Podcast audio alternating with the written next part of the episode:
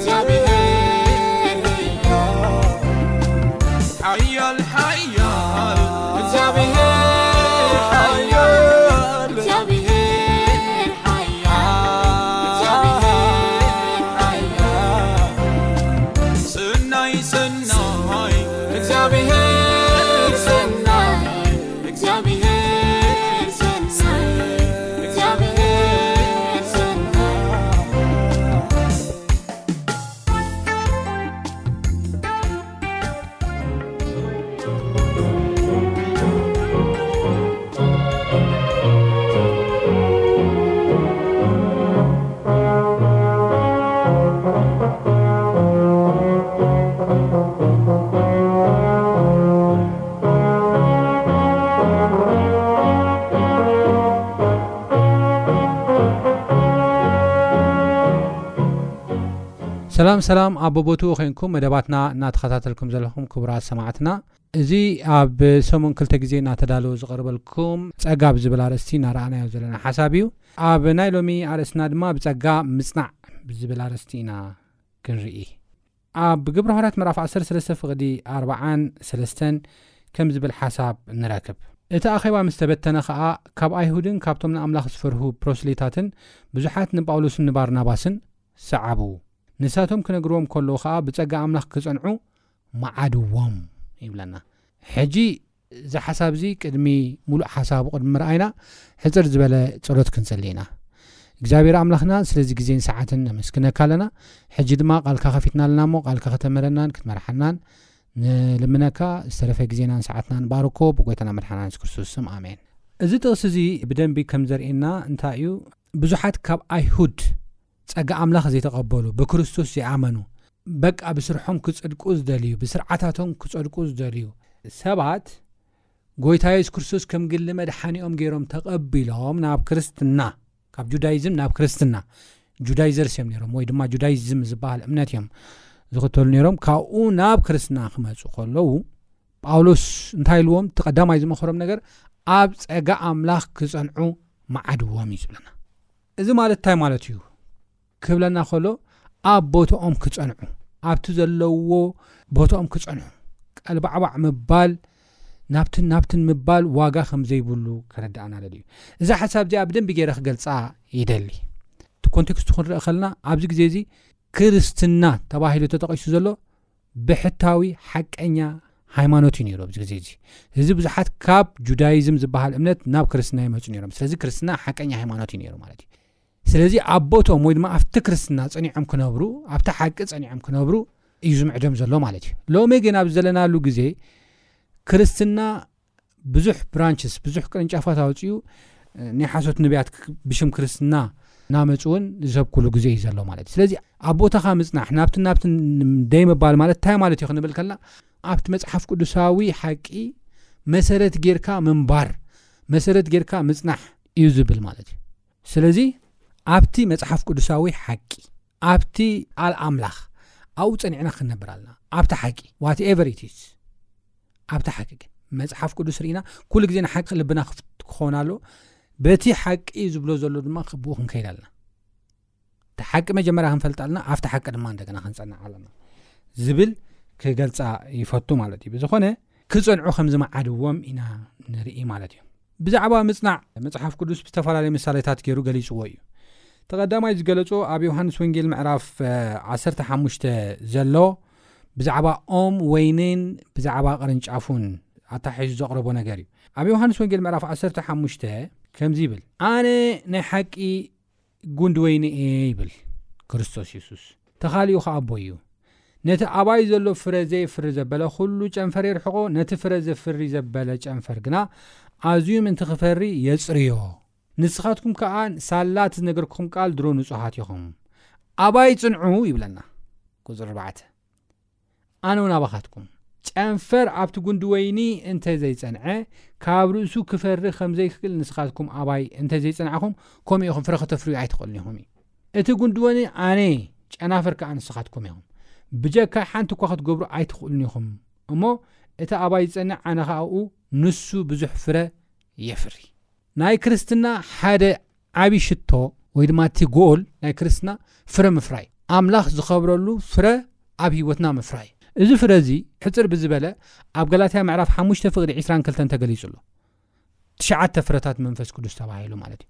ፍቕሪ፣ ለውሃት፣ ትዕግስቲ፣ ልግስና፣ የዋህነት፣ ርእስኻ ምግዛእ ካልኦት ካልኦትን ተጠቒሱ ኣሎ። እሞ እዚ ፍረ እዚ ኣገዳሲ እዩ።